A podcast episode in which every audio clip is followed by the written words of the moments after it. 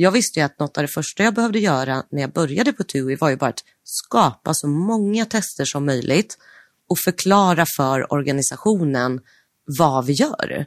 Hur funkar det med AB-tester? Visa upp alla AB-tester och alla insikter vi får av användarna och speciellt visa upp de testerna som har gått riktigt dåligt. Eh, där vi faktiskt lär oss någonting. Det är de som är roligast. Aha, här trodde vi att det skulle gå så här. Och det gjorde det absolut inte. Varför? Det är då det blir kul. Eh, och sen samla all den här informationen och, och kunna visa upp liksom ett värde i rena intäkter på vad, eh, vad CRO ger organisationen. Det blev ju någonstans nyckeln till att vi skulle få bygga ett team. Och det säger ju sig självt. För att kunna anställa folk och bygga ett team så behöver du påvisa ett värde av det. Eh, och det, det lyckades jag göra. Tack vare då att räkna ut hur mycket intäkter de här testen under ett halvår när jag verkligen hade kommit igång, hur mycket de hade gett och räknade även ut hur mycket varenda test var värt i intäkter oavsett om det gick bra eller dåligt.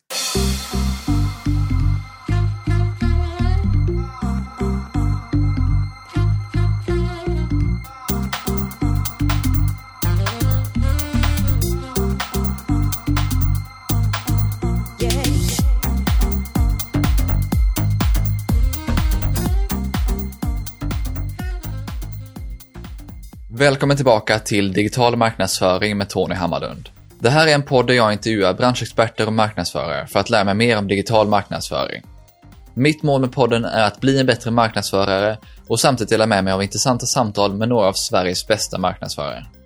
I veckans avsnitt pratar jag med Marianne Stjernvall som är en av Sveriges ledande experter inom konverteringsoptimering och AB-tester. Hon har till och med fått smeknamnet Queen of CRO av några tidigare kollegor. Marianne är idag CRO-lead för reseföretaget TUI i Norden och CRO-manager för hela TUI-gruppen.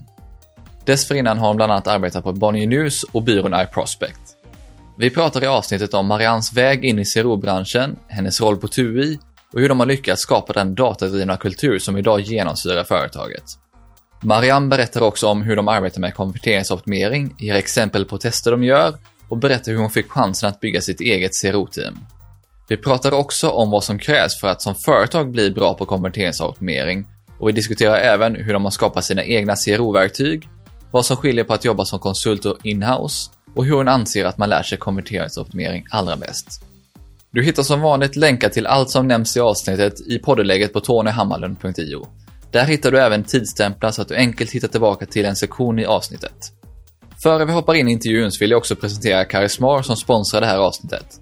Karismar utvecklar e-handelslösningar för dig som verkligen vill ha en skalbar lösning. Lite senare i avsnittet pratar jag med Tina Ekestam på Karismar och pratar om hur de hjälper e-handlare att skapa riktigt bra UX-design. Stort tack till Karismar och nu hoppar vi in i intervjun där Marianne börjar med att berätta om sin väg in i branschen. Ja, men det, det var lite intressant. Det, det började väl där någon gång när man hade ett år kvar på studien, att folk började fråga vad man var sugen på att arbeta med sen. Och pluggar man något som är data och systemvetenskap och webbutveckling så har du ganska många branscher att välja på. Uh, det är någonting som alla behöver och det gjorde ju inte saken lättare för, för mig och mina studiekamrater att komma på vart vi ville hamna efter. Så jag bestämde väl mig för att ett första steg i det här skulle vara att uppdatera min LinkedIn-profil. För då behövde jag egentligen inte heller göra någonting eller söka någonting. Så jag började med det. Sen gick det väl ett par veckor och så fick jag ett mejl på LinkedIn från eh, en person som heter Martin Heikensköld som då jobbade på ett företag som heter iProspect, en byrå som håller på med performance-marknadsföring. Eh, i, I det här LinkedIn-mejlet så stod det att eh, de hade en ledig tjänst ute och undrade om jag eh, var intresserad av att komma på intervju eh, för rollen som CRO-specialist. Så på den vägen är det. Då undrar jag, vad, vad skrev du i din LinkedIn-profil egentligen? det, men, det vet jag inte riktigt. Eh, nej, men grejen var att jag, när jag fick det här mejlet och frågan, vill du komma på intervju som CRO-specialist? Så var min första tanke att ja, men det är klart jag vill komma på intervju. Det är ju jättehäftigt att bara gå fortfarande i skolan och få ett sånt mejl. Eh, problemet var att jag inte visste vad CRO-specialist var för någonting. eh, det här var väl, vad var det, 2013? Så jag googlade på eh, CRO, för han hade bara skrivit akronymen CRO och inte vad det stod för. Eh, så jag googlade CRO och då fanns det inte jättemycket information eh, online heller. Så jag fick upp en tysk rockgrupp som hette CRO. Och det var allt. Så jag hade fortfarande ingen aning om vad CRO var. Var lite osäker på vad jag skulle svara honom. Men skrev då, eh, för, för något som definierar mig genom hela eh, min karriär är väl någonstans min ärlighet för det jag inte vet. Så jag frågade honom då i mejl tillbaka. Självklart vill jag komma in på en intervju som CRO-specialist om ni berättar vad det är för något.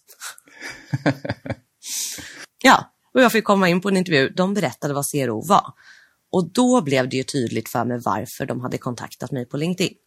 För på min LinkedIn-profil hade jag ju skrivit just att jag gått den här utbildningen i datasystemvetenskap med interaktionsdesign som inriktning och mycket då webbutveckling därtill. Det är en utbildning som täcker väldigt mycket beteendevetenskap, eh, hur liksom hur fungerar det här med hur människor ser på digitala artefakter och det sambandet? Hur fungerar vår perception när det gäller liksom, ja, digitala eh, liksom, prylar och, och skärmar? Hur ser vi att en knapp är en knapp? Eh, det var ju sånt som jag hade studerat tillsammans med mycket användartester och mycket kvantitativa analyser och även programmering. Så när de förklarade vad CRO var så förstod jag att ja, men det är ju precis det här jag vet hur jag ska göra. Eh, och det är precis det här jag vill göra. Så de visste något som inte jag visste då och det är jag väldigt, väldigt glad för. Ja, för det var min nästa fråga. Var kommer intresset för CRO ifrån? Så det är egentligen att det kommer från det de berättade för dig att du egentligen visste att du ville göra. Ja, men exakt. Um, ja, men direkt när de förklarade vad CRO var, de här olika byggstenarna eh, som CRO är och även då att då, hade, då var det ju inte jättemånga personer som jobbade med CRO, inte heller på iProspect. Det var ju då Martin um, och den här nya rollen som de behövde. Så de behövde ju någon som kunde allt. Allt från analys till eh, egentligen programmering och eh, att prata med människor. Och som de förklarade det så sa de att CRO är ungefär 50% programmering och 50% prata med människor. Eh, och det tyckte jag var liksom definitionen av mig på något sätt också. Eh, och det gjorde mig väldigt glad, för jag visste att jag ville programmera. Och jag gillar verkligen det. Jag gillar logiken i det, att det finns eh, väldigt många fel och något rätt. Så Man vet när, när man har gjort rätt. Det kändes bara helt eh, och hållet som att det var det jag skulle göra. Och nu ett par år efter så kallas du lite så Queen of Zero. Hur kommer det sig? Ja, eh, det kommer väl sig för att man hade väldigt, väldigt roliga kollegor, måste jag väl säga. okay. Och kanske för att man var lite bra på det man gjorde också. Nej, men det var ju så att ungefär ett halvår efter jag hade jobbat på iProspect så, så slutade tyvärr min chef. Han som hade lärt mig allt om vad CRO var, verkligen från början. Och då fanns det ju inte så mycket val än att bara steppa upp och köra stenhårt. Och det gick väldigt bra. Det här, det här med CRO kommer väldigt, väldigt naturligt för mig. De här byggstenarna är någonting som kommer väldigt naturligt, som är hela CRO-processen. Det gick väl så pass bra att folk runt omkring mig också tyckte att jag var väldigt bra på det jag gjorde. Så jag hade några personer i mitt, i mitt team, fantastiska människor som jobbade eh, med analys och, och med dashboards. Vi kallade oss för DAC-teamet, Dashboards Analytics CRO.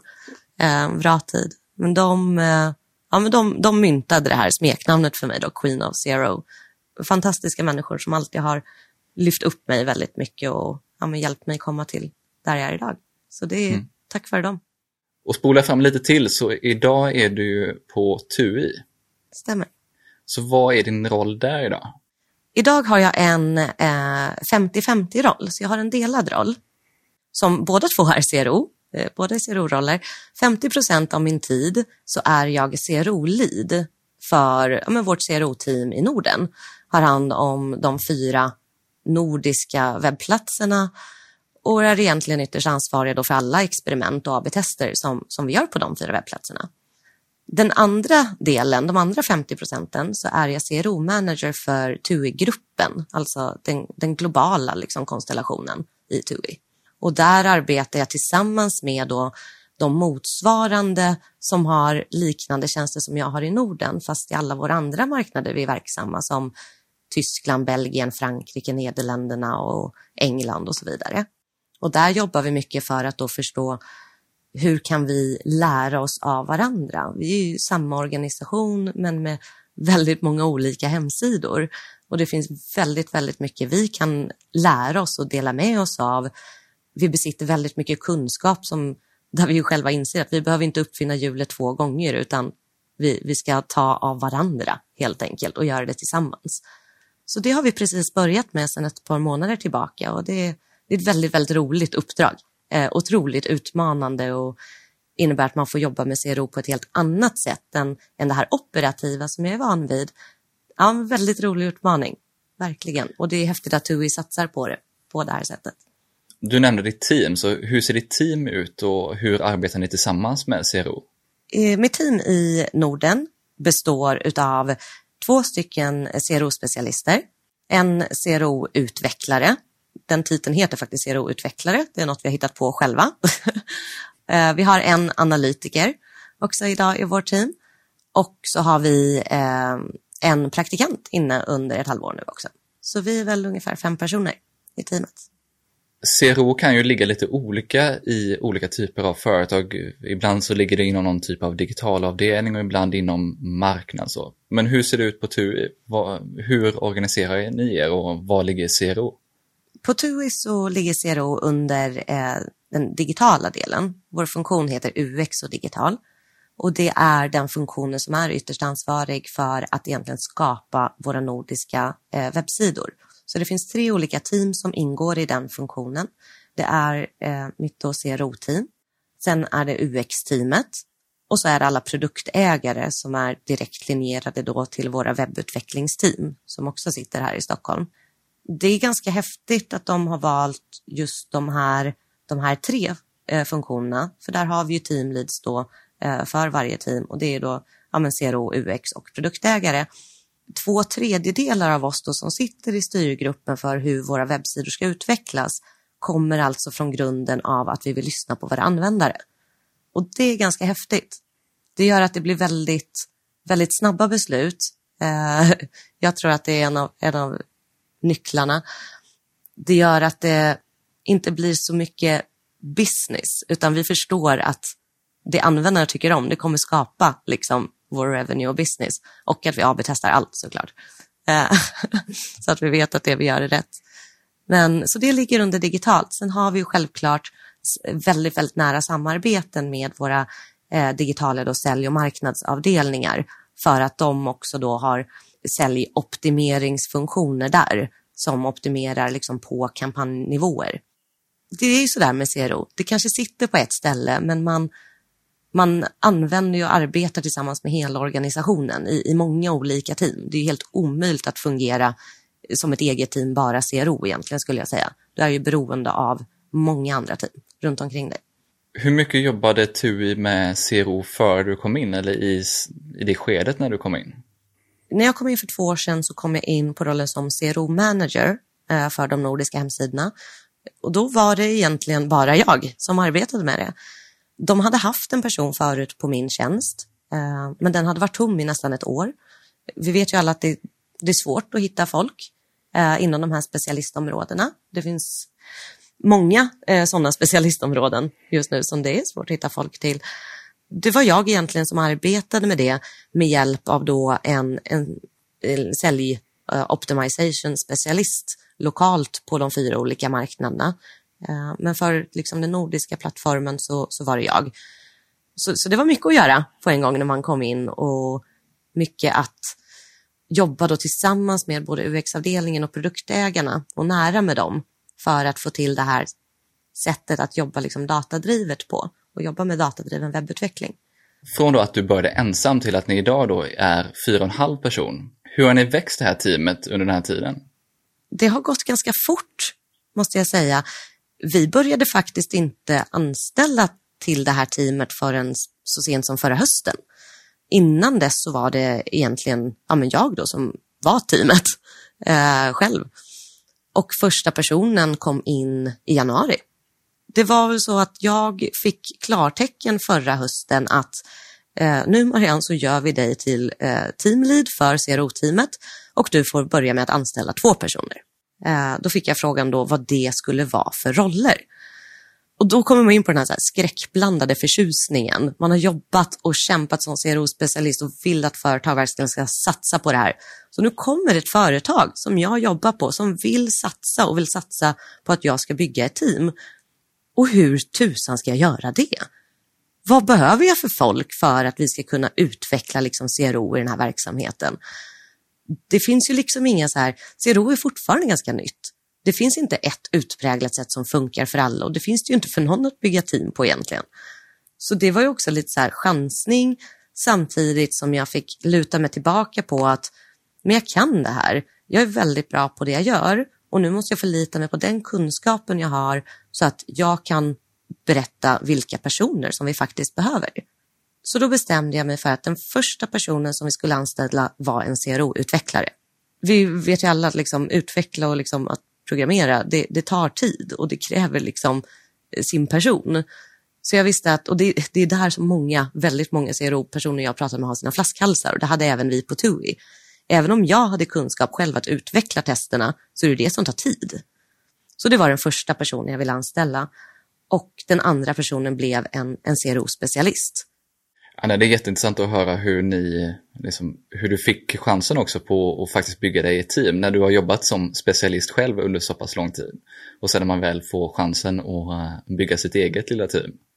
Ja, men det, det var helt fantastiskt. Jag tycker att det är så häftigt av TUI som organisation att, att verkligen satsa på CRO och den här datadrivna liksom, sättet att webbutveckla. Och det är ju också för att man, man själv har drivit på det så bra inom organisationen. Jag visste ju att något av det första jag behövde göra när jag började på TUI var ju bara att skapa så många tester som möjligt och förklara för organisationen vad vi gör. Hur funkar det med AB-tester? Visa upp alla AB-tester och alla insikter vi får av användarna och speciellt visa upp de testerna som har gått riktigt dåligt. Eh, där vi faktiskt lär oss någonting. Det är de som är roligast. Aha, här trodde vi att det skulle gå så här. Och det gjorde det absolut inte. Varför? Det är då det blir kul. Eh, och sen samla all den här informationen och, och kunna visa upp liksom ett värde i rena intäkter på vad, eh, vad CRO ger organisationen. Det blev ju någonstans nyckeln till att vi skulle få bygga ett team. Och det säger ju sig självt. För att kunna anställa folk och bygga ett team så behöver du påvisa ett värde av det. Eh, och det, det lyckades jag göra. Tack vare då att räkna ut hur mycket intäkter de här testen under ett halvår när jag verkligen hade kommit igång, hur mycket de hade gett och räknade även ut hur mycket varenda test var värt i intäkter oavsett om det gick bra eller dåligt. På det sättet så fick jag en möjlighet att gå in till vår ledningsgrupp och liksom presentera både kort om CRO men även då den här intäktsmodellen. Det är lite som att bygga ett case, men jag ville ha folk. Liksom. Och det gick vägen. Det gick väldigt bra. Så det var efter det vi fick klartecken. Det leder mig in på hur ni faktiskt arbetar med CRO. Så skulle du kunna beskriva lite mer om hur ditt och ert arbetssätt ser ut egentligen på TUI? Ja, absolut. Idag har vi då två stycken CRO-specialister. Inom TUI så har vi fyra, fem stycken olika webbutvecklingsteam som är ansvariga för olika delar av sajten. Så de här två CRO-specialisterna, de jobbar tillsammans med liksom sina webbutvecklingsteam. Eh, så de har ja, men, cirka två och ett halvt team var som de, som de arbetar tillsammans med. Då sitter de tillsammans med de här teamen, tillsammans med produktägaren och tillsammans med en dedikerad eh, UX-designer, eh, även för just den här produkten då på sajten. Vi kan säga att vårt sökresultat är en sån del. Så det blir som ett litet scrum-team som man jobbar i. Där så jobbar CRO-specialisten med allt från att ta fram egentligen men, analys och insights och hypoteser av vad, som, vad, vad vi kan göra bättre och hur vi kan utveckla produkten. Och sen då tillsammans med det här Scrum-teamet ta fram både design och en arbetsväg eh, för att utveckla det. Det är ett av sätten vi jobbar på och ett annat är det här klassiska CRO arbetena där vi jobbar för att hitta de här små, små detaljerna som kan leda till väldigt stora effekter i eh, konverteringsgraden. Och då jobbar vi tillsammans i vårt CRO-team med vår analytiker och vår CRO-utvecklare som ett eget litet jätteagilt webbutvecklingsteam nästan för att då arbeta fram de här testerna och idéerna och sen kan vi då visa upp det här för produktägaren för den specifika delen av hemsidan så att hon eller han sen kan prioritera det för sitt webbutvecklingsteam. Så det är de två olika vägarna. Sen har vi även ett eh, team som arbetar med, med eh, machine learning, AI, eh, där vi har många experter som sitter och jobbar som data scientists. Då. De jobbar ju med personalisering som ju är mer en ett till ett förändring av hemsidan hela tiden. De arbetar med rekommendationsmodeller och så vidare. Och de vill ju också testa sina modeller och algoritmer. Så de hjälper vi också att sätta upp AB-test för. Eh, men då är det ju de som står för grundtanken, både egentligen från analys och liksom datat och utvecklingen. Men vi sätter det som ett AB-test och levererar analysen på det testet för att ge dem insights i hur det gick för det. Så det är lite som en pyramid kan man säga. Om du ska ge några exempel, vilka typer av tester är det som ni gör vanligtvis då? Om vi ser de testerna som vi gör tillsammans med våra utvecklingsavdelningar så kan det vara allt möjligt egentligen från att ändra design till något eller gå mot en vision eh, som vi vet att vi vill mot. Till exempel att det behövs nu en uppdatering av vår navigation. Ja, men då hjälper vi till och testar den så att vi egentligen vet att det är minst lika bra som den förra var. Så att vi vet att vi inte gör någonting som, där vi riskerar någonting negativt i försäljning. Och där har vi också sett många exempel sen vi började arbeta på det sättet att ja, här ändrar vi den här navigationen i princip från mörkblått till ljusblått och vi trodde inte att det var någon stor grej. Och fick tillbaka superdåliga resultat där vi inser att det är otroligt många färre som klickar på sista minuten i navigationen. Och efter ett par iterationer av den här så förstår vi ju varför. Och då har vi missat att lägga till, du vet en sån här linje under texten som beskriver för användaren vart man är någonstans. Den hade vi hur som helst helt missat. Det hade aldrig vi förstått om vi inte hade AB-testat det och vi hade ju aldrig sett eller förstått vart det här negativa beteendet från besökarna kommer ifrån. Så med utvecklingen så jobbar vi mer så för att liksom, ja, se till att det vi gör är minst lika bra som det vi redan har, helst bättre. Men i då CRO-teamet, om man ser de här klassiska CRO-testerna, där kan det ju vara verkligen högt och lågt. Eh, det kan vara att lägga till en banner med uspar på startsidan. Det kan vara att lägga till kundbetyg i korten där vi har vårt sökresultat för alla hotell och resmål. Det kan vara att vi hittar en analys som säger att alla ni som redan har sökt på ett specifikt datum ni vill åka på, då visar vi helt enkelt inte datumväljaren för er i nästa steg. Så lite mer liksom segmenterade tester, eh, men verkligen överallt på hela sidan. Ska vi ta bort text här? Ska vi lägga till text här? Vi testar högt och lågt och allting. Det, det finns det inget slut på. Du nämnde innan när du skulle bygga ditt team att du hade satt värden på de tester du har gjort innan. Så hur sätter man värdet på ett A och B-test till exempel? Det jag gjorde då var att jag tog alla AB-test vi hade gjort sex månader liksom bakåt och sen så tog jag intäkterna för alla original vi hade gjort och kumulerade dem till en siffra. Och så tog jag intäkterna för alla B-varianter vi hade gjort och kumulerade dem till en siffra. Och så tog jag bort ett par som hade blivit skeva i datat, för sånt händer, de får man ju ta bort. Eh, nej men då hade jag ju två siffror. Och det jag gjorde då var helt enkelt att kolla vad är differensen mellan de siffrorna. Och då kunde jag se en enorm ökning i intäkt som då våra olika variationer hade levererat. Men däribland har vi att vissa test gick ju jättedåligt och vissa gick jättebra. Så det att jag faktiskt fick en siffra som var positiv eh, var nog lite tur också, måste jag säga. För i, i CRO så är det ju så, liksom 75 procent av de testerna vi gör går ju dåligt. Men jag fick en siffra som var positiv. Det jag gjorde då, jag tog den här så kallade vinsten på variationssidan och splittade den med antalet test som jag hade beräknat det på. Och då fick jag fram en siffra som jag kunde då hävda var den här siffran är så mycket pengar vi tjänar på alla AB-test vi drar ut oavsett om de är bra eller dåliga. Och det är precis sådana saker som en ledningsgrupp eh, tycker om att se. Jo, men om man ska ge någon beslutsunderlag för huruvida det man gör, i detta fallet CRO, om det är en bra funktion och ett bra jobb så måste man kunna visa den typen av resultat eller visa det, påvisa den typen av siffror. Jo, men absolut. Som sagt, det här var ju lite tur att det blev positiva siffror. Jag tror att det som är svårt att räkna på när det gäller CRO, eller inte svårt, men lite mer komplicerat, det är att vi gör ju otroligt många tester som går otroligt dåligt. Eh, vilket också är lite skär, skärmen av det, för det är då vi lär oss väldigt mycket och det är de testerna som, som är roligast någonstans, tycker jag. Men i de testerna som, som går så där dåligt, då är det ju också ett sätt för oss att hjälpa organisationen ta beslut om att inte implementera den förändringen. Det vill säga att vi räddar företaget från att förlora så och så många antal miljoner under det framtida året.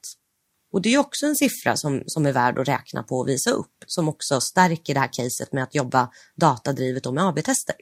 Det är väl lite det som är att jobba enligt en vetenskaplig metod, just att det handlar mycket om att ta reda på vad man inte ska göra. Ja, exakt. Men du, du pratade där om att just det här med att arbeta datadrivet som företag. Så vad krävs av företaget för att man ska bli riktigt duktiga på CRO? Jag tror att det krävs en, en nyfikenhet på liksom en higher management-nivå och även liksom en, en board-nivå, en så kallad C-level. Att det finns en nyfikenhet där vad det gäller liksom det digitala. Att våga liksom testa, eh, vara öppen för nya metoder och vilja lyssna och även vara liksom öppna med att så här, som ledare på de positionerna så behöver det inte betyda att man är expert på alla de här nya specialistområdena. Det tror jag är otroligt viktigt och det tror jag är någonting som alla de personer på högre nivåer på TUI faktiskt besitter liksom den så här, eh, fantastiska någonstans insikten att det finns personer som är experter på det här. Vi låter dem göra sitt jobb och så lyssnar vi på dem.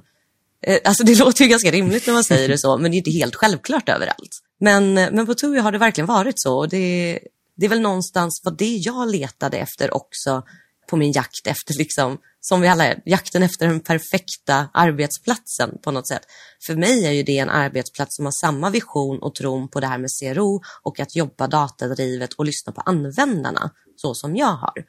Och jag är väldigt imponerad över de steg som TUI har tagit och hur mycket de har satsat på att verkligen vilja arbeta på det här sättet och den stöttningen man har fått.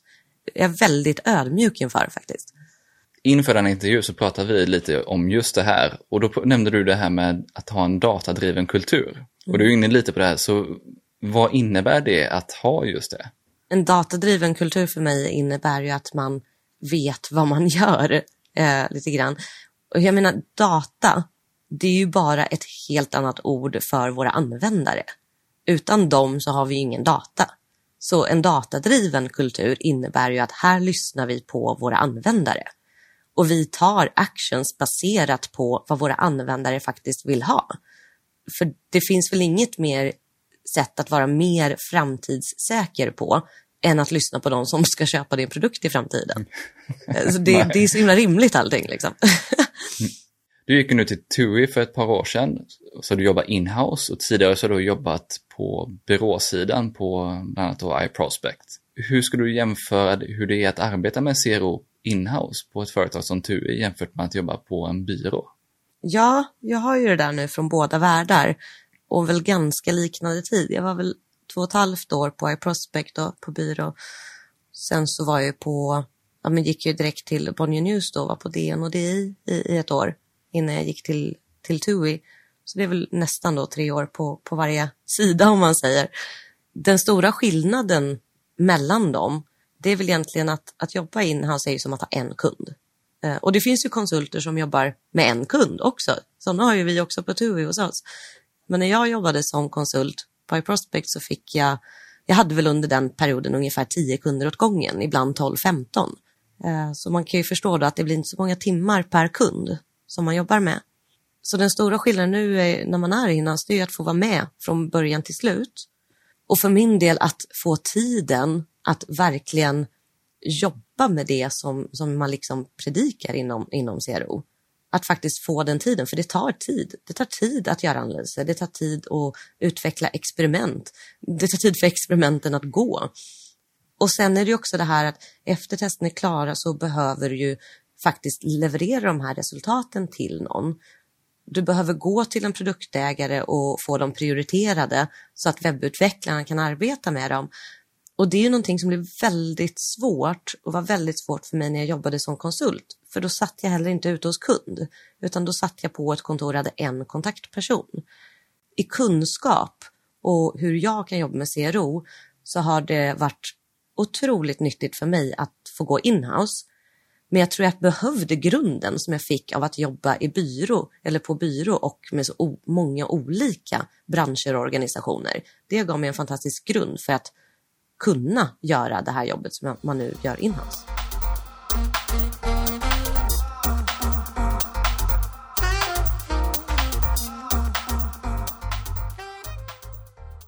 Nu tar vi en kort paus och den här veckan har jag med mig Tina Ekestang som är Head of Design på Karismar och som leder företagets UX-team. Välkommen till podden! Tack! Jättekul att vara med. Jag pratar i den här intervjun med Marianne om hur hon och kollegorna på TUI arbetar med konverteringsoptimering och UX. Och på Karisma hjälper ni ju e-handlare att ta fram webbshoppar med riktigt bra UX-design. Så jag är lite nyfiken på att höra hur ni arbetar med det. Hur ser er arbetsprocess ut? Ja, precis. Som du säger så är det ju en process. Vi börjar med målgruppsanalys. Vårt UX-team arbetar tillsammans med marknadsavdelning, e-commerce managers, de som har koll på målgruppen och ser vem designar vi för. Här blir vårt UX-team en brygga mellan marknad och utvecklingsteamet. För visuellt ser vi att det är viktigt att den grafiska identiteten och marknadsstrategin får utrymme så att det finns ett igenkännande för användaren. Där arbetar vi i UX-teamet med att få fram det i samspel med funktion och på så sätt ge dem en bra och smidig köpupplevelse. Och sen arbetar vi med vi ser var och varför ska vi arbeta med sajtens design. Vi arbetar tillsammans med CRO-experter och ser på tester och lägger upp en åtgärdsplan utifrån det. Och på så sätt så arbetar vi med skisser och implementerar visuella ändringar kontinuerligt på sajtens befintliga helhetsdesign. Här jobbar vi löpande med mindre ändringar utifrån data och tester och många stora ändringar på samma gång kan vara svårt att mäta på vad och vart det gav resultat. Ja, det kan jag absolut tänka mig när man gör liksom stora ändringar och inte riktigt vet vad, vad det är man kan mäta här egentligen. Jag skulle också vilja höra lite dina bästa tips för att förbättra köpupplevelsen på sin e-handel eller webbplats. Här skulle jag säga, skapa en långsiktig plan, precis som SEO är arbetet med UX, ett löpande arbete som behöver göras kontinuerligt. Planen i sin tur måste anpassas utifrån resurstillgång och ambitionsnivå man har. Och sen jobba datadrivet. Eh, det är svårt att arbeta utifrån antaganden och magkänsla. Så ta hjälp av externa experter, arbeta tillsammans och se på datat och ha det som en grund i din plan. Riktigt bra tips, inte minst för mig som marknadsförare som inte jobbar med UX-design normalt sett. Så stort tack och jättekul att ha med dig i podden. Tack själv!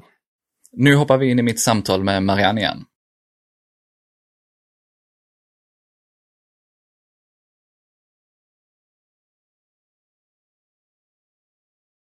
Men i ditt jobb med CRO på TUI, vilka typer av verktyg eller man brukar prata om det här om en marketing stack eller en verktygsstack. Ja. Så vad använder du för olika verktyg när du arbetar med det? CRO är ju liksom en process som är uppdelad då liksom från, från analys, eh, kvantitativ och kvalitativ, till att bygga experiment, ha experimenten ute och, och så vidare, sen analysera och dokumentera och allting det finns ju en uppsjö liksom av, av verktyg att använda inom CRO. Jag kanske tycker att det finns inte liksom ett verktyg som gör alla delarna idag. Eh, och den problematiken har jag sett i många olika organisationer som arbetar med CRO. Att du jobbar med flera olika verktyg inom då analys och kanske testfas och sen analysen efter som, som inte på något sätt hänger ihop som gör att det blir väldigt mycket manuellt arbete däremellan. Vi på TUI har faktiskt eh, utvecklat vårt eget analysverktyg för att då kunna analysera våra AB-tester som hjälper oss då med bryggan från det att vi sätter tester live till att vi måste analysera dem. Och vi använder Google Analytics på TUI och där vet vi att du kan inte, även om du skjutsar in dina tes eh, tester och siffrorna från dina AB-tester i Google Analytics så måste du fortfarande exportera dem för att räkna eh, på signifikansen på dem och få resultatet. Och det måste du göra någon annanstans. Så det vi har gjort då, eh, CRO-teamet då tillsammans med hjälp av våra data scientists på TUI, det är att vi använder Google Analytics och så använder vi eh, BigQuery för att då ja, men, dra ut datat till egentligen vårt egna analysverktyg. Eh, som, så varje gång vi kör in ett nytt test i GA så uppdateras det analysverktyget automatiskt med våra primära kopior och allting finns där helt eh, klart och signifikansen räknas ut automatiskt. Du har dina kumulativa kurvor och det har ju varit drömmen. Jag tror att det har sparat oss kanske 6-7 timmar analys per test som vi gör.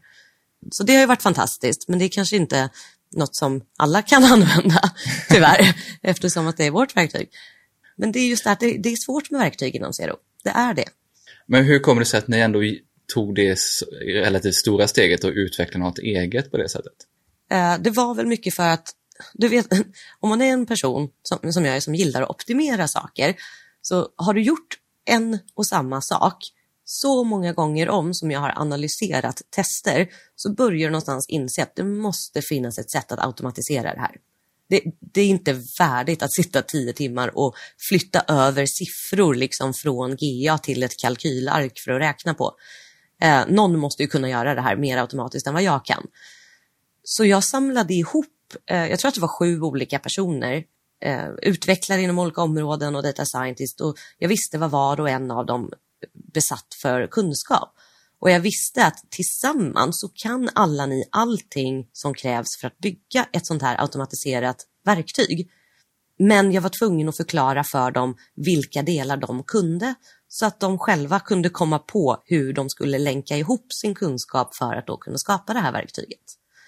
Eh, och jag visade dem olika typer av verktyg och hur vi arbetar och eh, till slut så skapade vi det här analysverktyget och tillsammans med det skapade vi faktiskt även då vårt interna egna AB-testverktyg så att det väldigt enkelt då kunde länka in. Så det blev lite två flugor i en smäll. Så just nu kör vi både, bara internt, både för att köra AB-testet och för att analysera det faktiskt.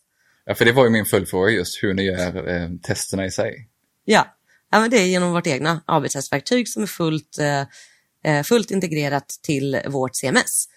Vilket gör att, ja, men du vet, må många har ju det här problemet när de kör AB-tester, att variationen laddas och du kan få den här mikrosekunden av flickering-effekt där du ser originalet för liksom en mikrosekund. Men det är ju fortfarande mikrosekunden och besökarna ser att det är något som ändras. Tack vare att vi har då integrerat en AB-testfunktionalitet i vårt CMS så laddas det här innan egentligen någonting annat på sidan är klart. Eh, det är väl egentligen domen som har laddats klart och sen så känner den av om det ska vara original eller variation. Och så levererar den det. Eh, vi har faktiskt problemet att vi laddar för snabbt många gånger. Så då måste vi skapa sådana här funktioner eh, som då kollar var 25 millisekund om elementet finns än så att man kan ladda variationen. eh, så det, det har blivit problem på andra hållet men det är lyxproblem skulle jag säga. Ja, men då, ni har utvecklat en hel del själv, både för att göra själva testerna men också analysera. Så då är vi liksom inne på er process för att köra de här. Du har nämnt lite exempel innan på vad det kan vara för typ av tester ni gör. Så hur går ni tillväga när ni ska göra ett test? Våra tester grundar sig liksom som allt ska göra i, så ska det grunda sig på data. Och det hela börjar ju med en idé. Var den, vart den idén än kommer ifrån egentligen. Och vi vill, i CRO-teamet så vill vi uppmuntra hela organisationen att vara med. Och för alla kan ju ha en bra idé, vart man än befinner sig i organisationen någonstans. Så vi har ett ganska enkelt Google-formulär eh, som alla i organisationen har tillgång till. Där de bara där de får fylla i liksom sin testidé. Och så får de också svara på lite olika frågor som jag har snott av eh, CXL där du kan hitta så här ett Excel-dokument som de har gjort just för en ut, utvidgad om vi säger PI-modell för att prioritera. Eh, så direkt i det här Google-formuläret, så får, om man har en idé så får man fylla i lite olika frågor, lite olika ja och nej-frågor. Det langas sen in till ett spreadsheet som vårt CRO-team kollar på varje vecka. Eh, så vi kan se när det kommer in nya idéer. Och alla de här ja och nej-frågorna då, de blir till ja, men, ettor och tvåor och nollor beroende på vad de ska få för poäng. Och så gör de liksom en prioriteringsmodell eh, automatiskt egentligen. Så det vi fyller i tillsammans är att vi går igenom den här prioriteringslistan kollar på idéerna som har skickats in och så fyller vi i sådana saker som vi behöver fylla i, som primära kopior, eh, vilket webbutvecklingsteam är ansvarig för den här delen av sajten och så vidare.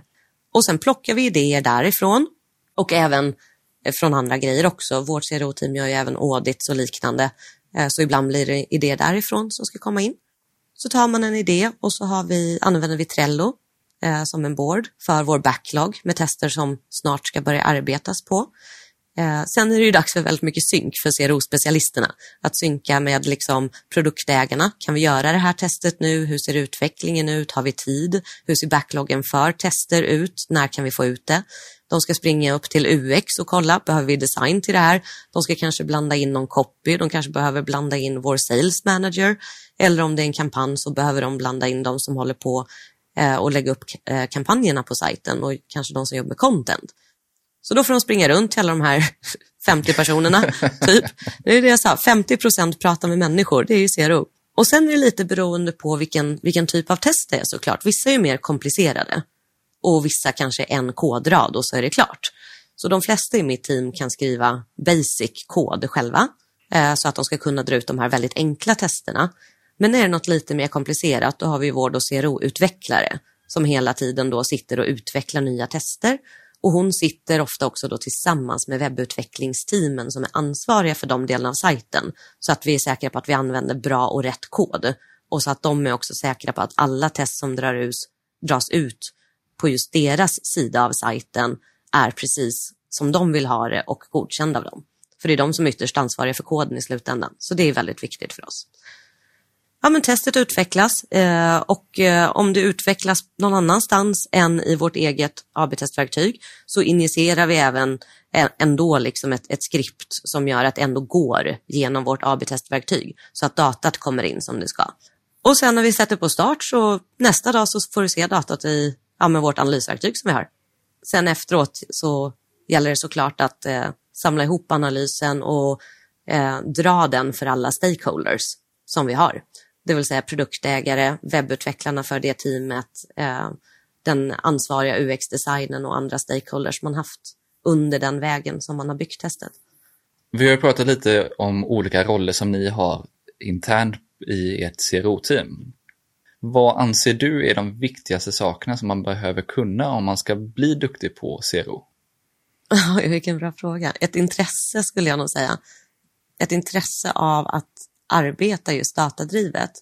Att tycka om liksom den logiken och förstå att så här, när jag jobbar med det här så är det inte så att jag tycker massa saker utan jag läser av data så att jag kan ge rekommendationer. Har man det intresset och lite så här, jag tror att det kan vara bra att ha lite sinne för siffror. Väldigt bra att vara analytisk. På det sättet man kanske är till och med är lite cynisk. Eh, för det är då man blir ifrågasättande och jag tror att det är bra att vara ifrågasättande och samtidigt problemlösande när man arbetar med CRO. Men sen så här, vilken bakgrund man har eller vad man har till exempel pluggat. Nu hade jag tur på det sättet. Jag pluggade någonting som visade sig leda en väg för mig till världen som är CRO, som är precis det som det känns som jag var ämnad att göra. Men om man är sugen på att liksom börja börja testa CRO så är det inte så jättemycket som behövs förutom ett intresse. Det finns väldigt bra kurser. Jag vet att eh, Google har en gratis onlinekurs i just CRO eh, och Conversion Excel har också det. Just så grundkurs där man kan känna på. Sen så finns det ju många, många olika delar av CRO. Som sagt, det är ju hela där processen och byggstenar. Vi har analysdelen. Vi har ju liksom UX-delen av CRO och vi har utvecklingsdelen. Och där kan det också vara så att man är väldigt, väldigt mycket mer intresserad av ett av dem. Så du kan ju bli en CRO-specialist som specialiserar dig just på UX och design. Hur beter sig människor då just med digitala artefakter? Och hur ser vi att en knapp är en knapp och så vidare. Som kanske arbetar mer med den här webbpsykologidelen av CRO. Det är en väldigt specifik del som kan göra att man kan göra, bli en väldigt, väldigt bra CRO-specialist. Men för det så behöver du inte vara expert på webbprogrammering. Det kanske det finns andra som är. Eh, så man kan ju vara en CRO-specialist med en inriktning också. Du behöver ju inte vara sån här så kallad fullstack CRO som kan liksom lite av alla delar. De är ju ganska svåra att hitta. man behöver kanske en mix av det. Du nämnde ju kurser där som Google till exempel har och Conversion Excel har sina kurser. Så hur lär man sig konverteringsoptimering allra bäst egentligen? Jag tror att om man är sugen på CRO, har hört om det men kanske inte riktigt smakat på det, så kan det nog vara en bra idé att testa just någon av de här liksom introkurserna som Conversion Excel eller, eller Google har. Men sen tror jag också att det är en väldigt bra grej att gå in i Google Analytics och börja liksom pilla runt.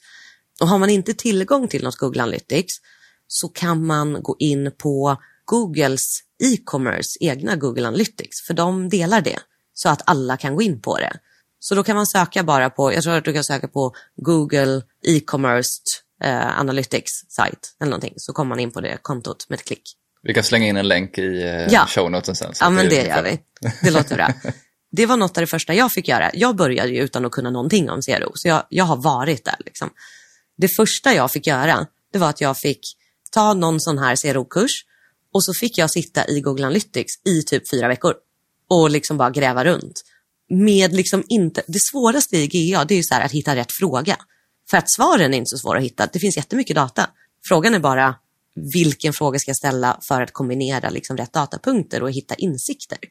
Det är det som är det svåra. Och det kan du nog först hitta om du verkligen går in dit och gräver och gräver. För att jobba som en CRO-specialist så behöver du nog vara dataintresserad. Så vill man inte gå in i GA och liksom pilla runt, ja men då är kanske inte CRO helt rätt ändå. Liksom. Det är första grejen, liksom att gå in i Analytics. Om det här inte ser intressant ut så, så är det inte rätt spår, för du kommer sitta här ganska mycket. Ja, men det är inte bara det att man kommer sitta där mycket, men det är så här, det här är grunden. Och jag menar, GA är inte ens grunden. GA är ett skönt interface, men det är fortfarande ganska mycket siffror. Men det, det är liksom grunden till allt det du kommer arbeta med. Så tycker du inte att det är kul att sitta där och gräva efter de här insightsen och hitta olika beteenden hos användare, ja men då kommer, då kommer du nog inte tycka att CRO är så kul heller. Och tycker man inte att det är kul, då kommer det inte bli bra. Så. Men går man in där och tycker att det är väldigt, väldigt roligt, nu skulle jag säga så här, du kan ju köra och läsa om AB-tester och gå in i GA och gräva runt. Men sen så behöver man jobba med AB-tester och man behöver göra många AB-tester för att faktiskt bli bra på det. Vad har du för mer tips på resurser eller andra sajter, poddar eller liknande som kan vara bra att lyssna in på om man vill både kanske hålla sig uppdaterad inom vad som händer inom CRO men också lära sig lite mer? Jag skulle vilja tipsa om en bok faktiskt, som jag läste på universitetet då innan jag visste vad CRO egentligen var. Och det är en bok som jag tycker är grundstenen till mycket av vad design är. Jag är väldigt mycket för när jag arbetar i CRO att titta på just fysiskt beteende hos människan och hur det sen ter sig när en människa då hanterar digitala artefakter. Så en bok jag skulle vilja tipsa om är Donald Norman som har skrivit boken The Design of Everyday Things. Den kan vi också skriva upp. Det skriver vi upp och jag tror till och med att, eh, jag har för mig det var, det var John Ekman tror jag på Kontionister som tipsade om samma bok där faktiskt. Det kan det mycket väl ha varit. Det är ju lite den skolan. Och det märker man när man träffar personer som jobbar inom CRO att man kommer från mycket samma grunder och man tipsar gärna om samma saker och det finns en anledning till det. Så den boken skulle jag tipsa om starkt. Sen skulle jag även tipsa om att kolla upp på, på TED Talks. Kolla upp en kille som heter Dan Ariely som är beteendevetenskaplig professor i eh, ekonomi och psykologi. Han är otroligt inspirerande och han ger väldigt många av de här teorierna som du faktiskt egentligen kan bygga ett helt AB-test på. Just det här som har att göra med hur vi väljer saker eller hur vi ser på saker, synvillor och annat. Väldigt intressant och han har även gjort en del tester för The Economist. Det var han som var inne på The Economist hemsida och såg att de sålde då abonnemang både för sin printversion av tidningen och sin digitala version. Men såg då att det var ett exempel där som hade samma pris som de andra två hade. Det vill säga du kunde köpa print för 50 dollar typ, digitalt för 100 dollar och sen print och digitalt kunde du få också för 100 dollar. Eh, Så han gjorde en full undersökning av det där. Kolla på hans TED-talk för att få reda på hur det gick. Det, var, det är otroligt inspirerande och intressant och har gett mig liksom grund för många AB-tester som han har gjort. Men då har vi några länkar där som slänger in och är det någonting mer så slänger vi in det också i inlägget här efter. Yes. Men nu när du har byggt ett team och vi har gått igenom lite vad du tycker man behöver kunna när man, vad som är viktigt och vad som krävs av någon som ska bli duktig på CRO. Så att vad tittar du efter när du anställer personer inom det här? Ja, det beror på vilken tjänst det är som ska fyllas. Till exempel när jag skulle anställa för CRO-utvecklaren, då var det lite klurigt för en sån roll har vi aldrig haft förut. Eh, och jag visste själv knappt vad den skulle innebära. Men där får man gå och titta på, eh, på vilken person man behöver till rollen. Och vad behövde jag? Jo, jag behövde en person som eh, var ganska ny på programmering. För att utveckla AB-tester och jobba med det är inte riktigt samma sak som att jobba med, med en hemsida och sitta i ett utvecklingsteam. Så där behövde jag någon som var lite, lite fräsch, som kanske inte hade satt sig i sina vägar. Och någon som verkligen var problemlösare, men också gillar att jobba med folk. För den här personen skulle ju behöva gå runt till många olika webbutvecklingsteam hela tiden. Så då fick jag upp ögonen för eh, tjejerkodar.se och kontaktade dem. Jag tyckte att det var ett, verkade som ett så himla häftigt initiativ. Och just det här med att de får liksom, de har ett bootcamp där som är typ tre månader fronten. Jag bara, men det är ju perfekt. Hade jag gjort det så hade ju jag varit sugen på att jobba med just det här. Eh, så jag kontaktade dem och det blev ett jättebra samarbete där jag faktiskt träffade eh, tjejen som jag anställde sen som CRO-utvecklare. Det blev på den vägen. Det är jätteintressant att höra just hur man tänker kring ett område som är så pass nytt och hur man anställer för det. Ja, precis. Och sen är det ju annorlunda för CRO-specialisterna. Där behövde man ju helt andra kompetenser och CRO-specialister är ganska svåra att hitta som det är och jag behövde någon som var ganska senior. Där var det, är det väldigt svårt idag att hitta någon som kanske har de här två, tre åren på nacken, som är ganska självgående och som verkligen vill jobba för att driva CRO in-house på ett företag. Så det tog ett tag, det tog väl en fyra månader tror jag att hitta den personen. Och till slut var det faktiskt han som hittade oss. Även fast jag hade letat bakom varje hörn tyckte jag. Men då visade det sig att en kille som heter Mattias eh, som jobbade på TUI i Belgien som CRO-specialist var sugen på att flytta till Sverige. Eh, så han fick komma upp och känna på hur det var att vara i Sverige och han gillade det, vi gillade honom så vi anställde honom. Ja, det, det, är, det är jätteintressant som sagt hur man just anställer de här specialistrollerna. För det, är, det är många som har utmaningar med det. Ja, verkligen. Det, det är inte lätt. Och det är nog svårt för alla tror jag. För att det krävs ju att de som de som arbetar med, de som vet vad det krävs för kompetens, det krävs att de är med i rekryteringsprocessen. Man kan ju berätta liksom för, för HR och så vad det, vad det är man behöver och letar efter, men för att liksom ställa rätt frågor eh, så behöver man själv vara med och det tar ju mycket tid också. Det är väl därför man anställer någon, för att man inte har eh, riktigt den tiden. Så ja, men lite, lite klurigt är det, men det, jag är superglad för, för det teamet som vi har nu och det är ett väldigt kompetent team Eh, och alla med sina liksom, olika inriktningar och olika expertområden. Avslutningsvis brukar jag alltid försöka ställa en fråga och det är just det här kring trender inom ett område. Så i och med att du har jobbat inom CRO under lång tid och eh, det är fortfarande ett relativt nytt område. Men vad skulle du säga, vad finns det för trender som är viktiga att hålla koll på just idag? Just nu så ser jag väldigt mycket att det handlar om att få ut liksom så många test som möjligt egentligen.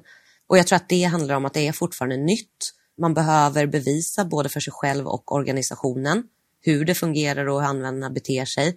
Och man ser en positiv effekt att dra ut många test. Men något annat som jag ser nu komma mycket, det är att inom CRO-sfären så börjar man intressera sig för att jobba mycket med AI. Både inom hur kan vi på ett enklare, snabbare sätt hitta insights i vårt Google Analytics. Där finns det ett par verktyg som har kommit ut på marknaden nu eh, som verkar väldigt intressanta, som jag själv håller på att gräva i, som använder då AI just för att eh, se de här mönstren som vi själva kanske inte ser så fort. Och sen finns det även ett företag som jag också kollar på nu som använder AI för att kunna dra ut ännu fler variationer samtidigt och se resultat på kortare tid. Det vill säga att man kanske går ifrån lite av den här traditionella AB-testmodellen så det verkar komma mycket sånt nu som ska bli roligt att utforska för att se hur, hur mogna de är. Om, om både liksom organisationen och de är redo för att, att ta sig an liksom nästa steg bort från det här kanske mer traditionella AB-testandet. Så det verkar hända en hel del som jag ser fram emot att, att utforska. Vad är det för verktyg, vad heter de eh, AI-verktygen som du tittar på där, eller som du nämnde? Eh, det verktyget som vi kollar då mest på det är för att driva fler AB-tester samtidigt eftersom det är något jag promotar också. Det heter Evolve AI. Jag kan ju länka till dem. Ja, man vill länka till det. Det absolut sista jag tänkte kolla här, det är var man följer dig allra bäst. Om man vill följa uppdateringen av The Queen of CRO nu då? Ja, men då gör man det nog bäst på LinkedIn skulle jag säga. Där är det bara att följa på. Jag försöker uppdatera där eh, mycket vad vi gör inom CRO just på TUI. För att ge den här konkreta, liksom, den konkreta kunskapen och lite insiden av vad vi gör just nu eller vi har möten, ge, ge tips på hur vi visar upp alla våra liksom, stora AB-tester. Så på LinkedIn går det jättebra.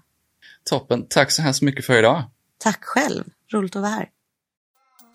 Det märks verkligen att Marianne brinner för konverteringsoptimering och UX, vilket är så inspirerande att lyssna på. Jag tyckte framförallt att det var häftigt att höra hur hon byggde sitt case för att få skapa sitt eget CRO-team. Och även att höra hur företagets ledning verkligen tog till sig konverteringsoptimering som metodik. Precis som vanligt så finner du länkar till böcker, sajter, videos och andra resurser vi nämnde i poddeläget på tonyhammarlund.io. Har du några frågor till Marianne om konverteringsoptimering, hur de arbetar på TUI eller något annat kring ämnet så kan du ställa dem i kommentarerna inne i poddeläget. Gillar du det här avsnittet av podden så hoppas jag också att du prenumererar i din podcastapp så missar du inte när jag släpper nya avsnitt.